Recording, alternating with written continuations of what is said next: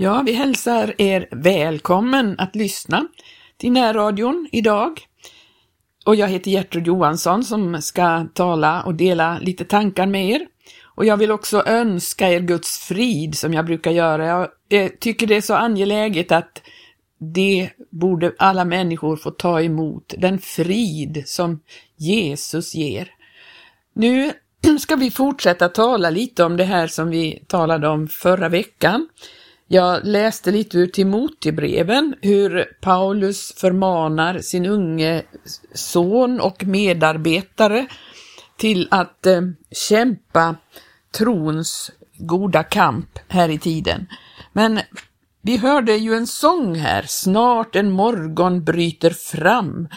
Och jag tänkte att jag ska börja med att läsa den eh, sången, för det är en väldigt bra text i den. Det står så här, snart en morgon bryter fram, Jesus hämtar bruden hem. Ingen sorg ska vara mer, ingen sjukdom där vi ser, när vi intar vårt palats Jerusalem. Solen sjunkit, det är kväll, arma jord, farväl, farväl. All din glans ska svinna hän, vi består i himmelen. Där ska sången brusa från var frigjord själ. Livets älv som klar kristall, ren och stilla flyta skall. Vad ej öga här har sett, Gud av nåd för oss berett, när vi hemma står med segerpalm i hand. Brudesjäl på Jesus se, han som dog för syndare, han har öppnat livets väg med det sår han fick för dig då han bar din synd och skuld på Golgata. Jag tycker den uttrycker så väl hur, hur det är för oss här i tiden. Snart bryter morgonen fram. Snart hämtar Jesus oss hem. Vi har ett hopp så, som ingen annan har än de som har tagit emot Jesus i sitt hjärta. Och det finns eh, en eh, ett mörker i den här tiden. Vi talade om det förra gången också. Det är mörkt i tiden. Man kan säga att andligt sett är det midnattstid. Men det är värt allt att fortsätta kämpa och att inte ge efter för det här mörkret utan fortsätta kämpa. Vi har en livets älv som kan ge oss kraft och möjlighet att vinna seger i den här mörka tiden. Och vi måste se på Jesus medan vi kämpar. Jag vill inge hopp i de här närradioprogrammen, även om det kan verka väldigt mörkt, eh, det budskap som eh, framstår här, för vi ser ju i de här breven hur Timoteus eh, blir uppmanad att kämpa och det är ju en kamp här i tiden eftersom vi lever i fiendeland och det är mörkt i tiden som sagt. Och vi ska titta lite mer i andra Timotebrevet idag. I första kapitlet där så uppmanar han ju honom, vilket vi också nämnde förra gången, att han måste uppliva den nådegåva som Timoteus hade fått. Eh, Paulus var väldigt angelägen om denne Timoteus för han visste att han hade en tro, en tro som han hade fått genom eh, sin mormors och sin mors tro och eh, han upplevde att han såg på honom att även i honom bodde den här tron. Och därför så var han så angelägen om att han han skulle uppliva sin nådegåva som han hade fått för att eh, eh, betjäna i den här tiden. Och eh, i, i 14 versen i första kapitlet står det bevara genom den helige ande vilken bor i oss, det goda som har blivit dig betrott. Uppenbarligen är det en fara att vi förlorar det som vi har tagit emot om inte vi genom den helige andes kraft bevarar det. Och så kan vi se då i andra kapitlet hur han uppmanar sin unge medarbetare att bli allt starkare i den nåd som är i Kristus Jesus. Och så står det i tredje versen, bär och du ditt lidande som en god Kristi Jesus stridsman. För ingen som tjänar i krig låter sig insnärjas i näringsomsorger, för han vill vara den till behag som har tagit honom i sin sold. Vi tjänar i krig och då gäller speciella förhållanden. Vi kan inte hålla på med oväsentligheter. Nej, nu är det krig. Och eh, så står det om att om någon deltar i en tävlingskamp så vinner han inte segerkransen. Man måste kämpa efter stadgad ordning. Det finns en ordning hur man kan kämpa i en tävling. Och om man gör det, kämpar för att vinna, då Eh, det är enda chansen att vinna seger i en tävlingskamp. Åkermannen, han gör arbete och han måste ju få njuta frukten. Om inte vi gör arbetet så kommer vi inte heller att få vara med att, att eh, njuta någon frukt. Och eh, Paulus skriver om hur han för sin del får utstå lidande och måste bära bojor, men han uthärdar ståndaktigt allting för de utvaldas skull, så att också de må vinna frälsningen i Kristus Jesus och därmed evig härlighet. Han hade verkligen någonting att kämpa för Paulus och han uppmanar nu sin unge medarbetare att fortsätta kämpa med det här. I femtonde versen står det sträva med all flit efter att själv kunna träda fram inför Gud, såsom en som håller provet, en arbetare som inte behöver blygas utan rätt förvaltar sanningens ord. Jag kanske upprepar mig från förra gången, men det må vara hänt för att eh, vi behöver påminnas om de här sakerna. Det är så viktigt att vi inte förlorar det vi har tagit emot och låter andra läror komma in. Vi såg förra gången att det handlar väldigt mycket om att kämpa mot andra och främmande läror. I tredje kapitlet i andra Timotebrevet så står det, men det må du veta, alltså det är någonting jätteviktigt att veta, att i de yttersta dagarna svåra tider ska komma. Vi lever i de svåra tiderna nu och där står det om hur människorna är hur människorna är och hur de kan då, dessa människor kan ehm, eh, förleda andra. Och det är så oerhört viktigt att fatta den här kampen.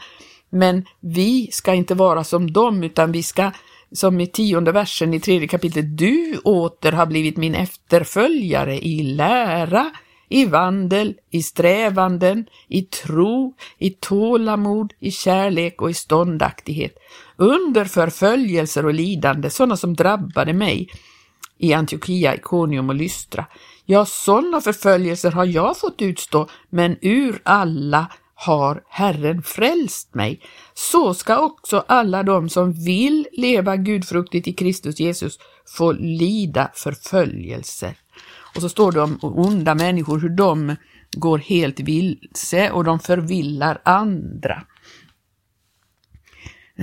Men eh, så uppmanar han Timoteus så här i fjärde kapitlet. Jag uppmanar dig allvarligt inför Gud och Kristus Jesus, inför honom som ska döma levande och döda.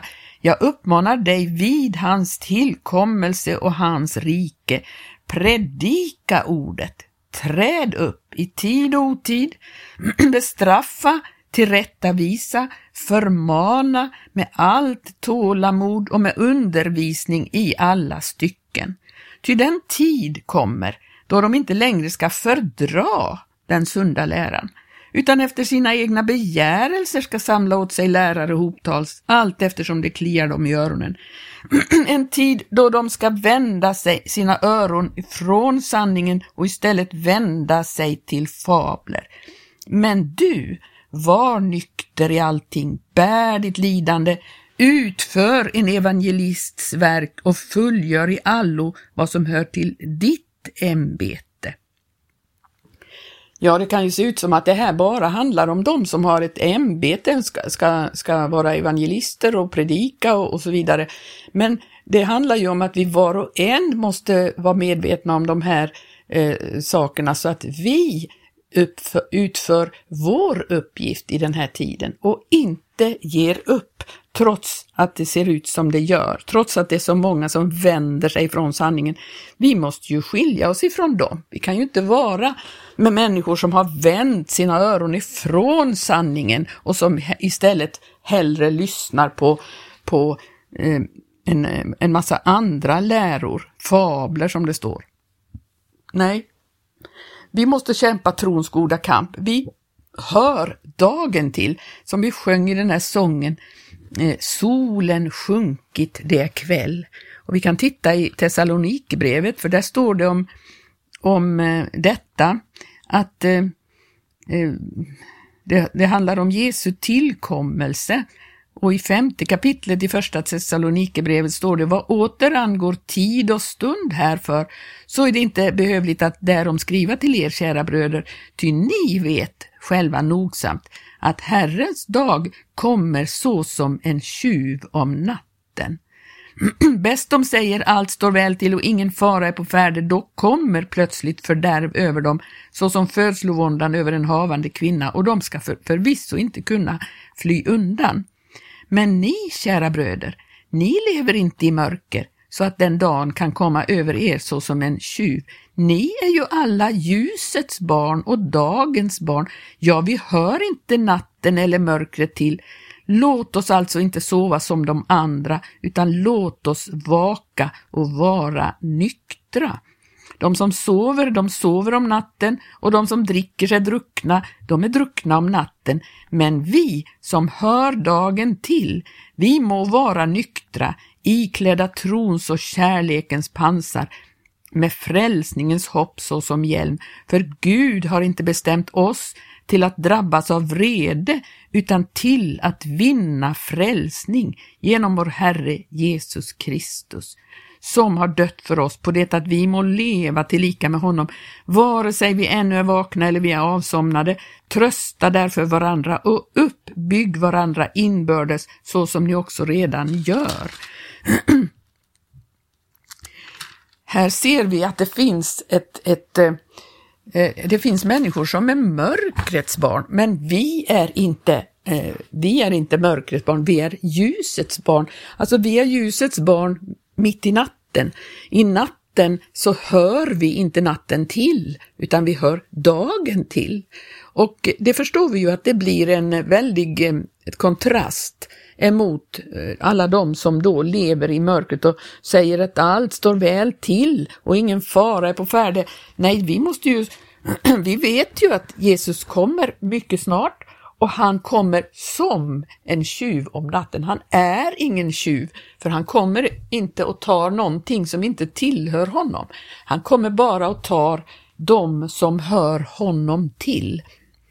Och men de som då hör natten till, de upplever honom att han kommer som en tjuv, han kommer oväntat och plötsligt och eh, de är inte beredda alls. Men eh, vi hör ljuset till, vi är ljusets barn och dagens barn. Och då ska vi inte sova som de andra, står det, och låt oss vaka och vara nyktra och där har vi också en varningens ord att det handlar om att hålla sig nykter. Och det handlar ju inte om en, en, en fysisk onykterhet på det sättet, utan det handlar om andlig onykterhet, vilken, som, vilken är väldigt utbrett idag, att det finns så mycket andlig onykterhet. Den som är onykter, den är ju inte riktigt medveten om eh, hur det verkligen står till precis som de som sover är inte medvetna om vad, vad verkligheten är. Den som sover lever ju i en drömvärld och, eh, och eh, upplever inte verkligheten eh, riktigt, utan, och de är inte medvetna. Och de, eh, den som sover äter inte, den som sover arbetar inte, den som sover är verkligen inte beredd på någonting, då kommer Jesus som en tjuv för den som, som sover. Och den som är onykter är på samma sätt förvrängd i sin verklighetsuppfattning. En, eh, en onykter människa vet vi ju alla hur den, hur den beter sig. Den, eh, den, eh, den är ouppmärksam och, och ser inte farorna, den ser inte helt enkelt inte verkligheten som den är. Därför så måste vi hålla oss nyktra i den här tiden. Eh, vi kan titta återigen i Petri brev om det här. Eh, hur, hur det kan vara. här står det i andra Petri brev, tredje kapitlet. Det här är människor som också varnar han för människor i de yttersta dagarna i tredje kapitlet och tredje versen och det må ni framförallt veta. Alltså det är viktigt att veta det här. Det må ni veta. Att i de yttersta dagarna bespottare ska komma med bespottande ord, människor som vandrar efter sina egna begärelser. De ska säga, hur går det med löftet om hans tillkommelse? Från den dag då våra fäder avsomnade har ju allt förblivit sig likt ända ifrån världens begynnelse. Och jag eh, upplever ju det att det finns en, eh, en förkunnelse idag som bortförklarar det här med uppryckelsen, Jesu tillkommelse på det sättet att vi måste vara redo att ryckas upp. Och det finns många som talar om att nej men han kommer inte än, det ska hända det och det och det först och, och, och så vidare. Så, så på något sätt så eh, dövar man ner människor så att man inte gör sig redo. Det handlar ju alltid om att vara redo att kunna eh, ryckas upp när, när Jesus kommer. Men eh,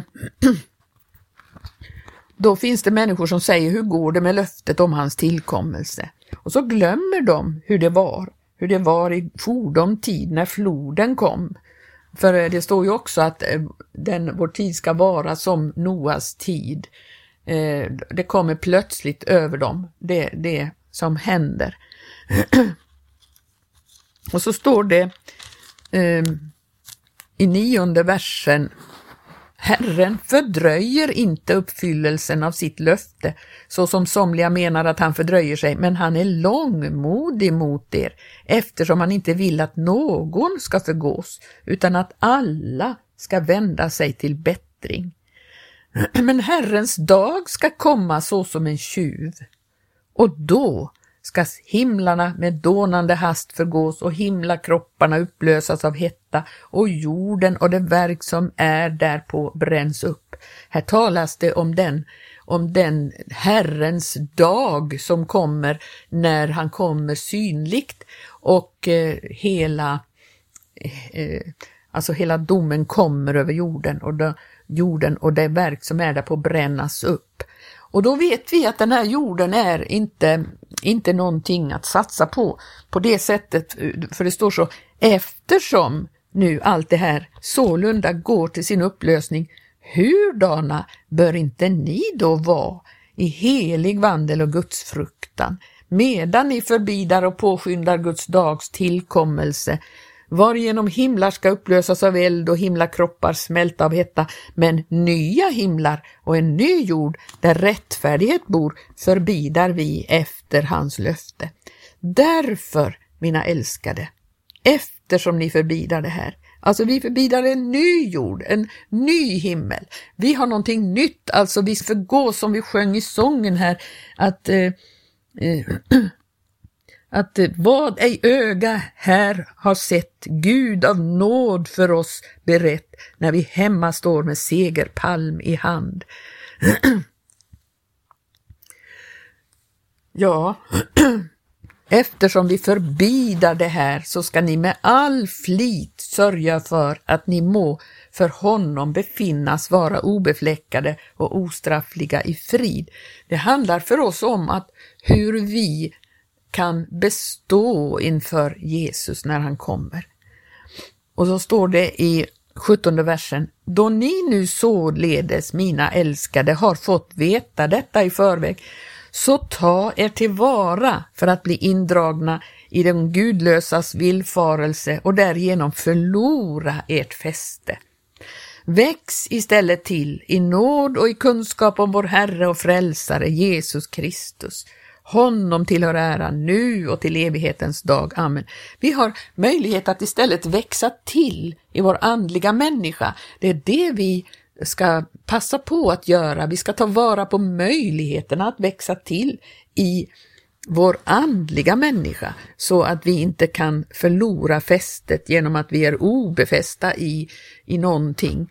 Det finns en möjlighet att också i den här mörka eh, midnattstiden bevaras, bevaras för hans rike, bevaras att vara dagens barn, ljusets barn, mitt i mörkret. Det finns möjligheter till det. Vi ska läsa ett ord som jag tycker väldigt mycket om Jeremia Kanske har läst det förut i närradion, jag vet inte. Men där står det i sjuttonde kapitlet. Vi kan börja från femte versen. Så säger Herren. Förbannad är den man som förtröstar på människor och sätter kött sig till arm och med sitt hjärta viker av ifrån Herren.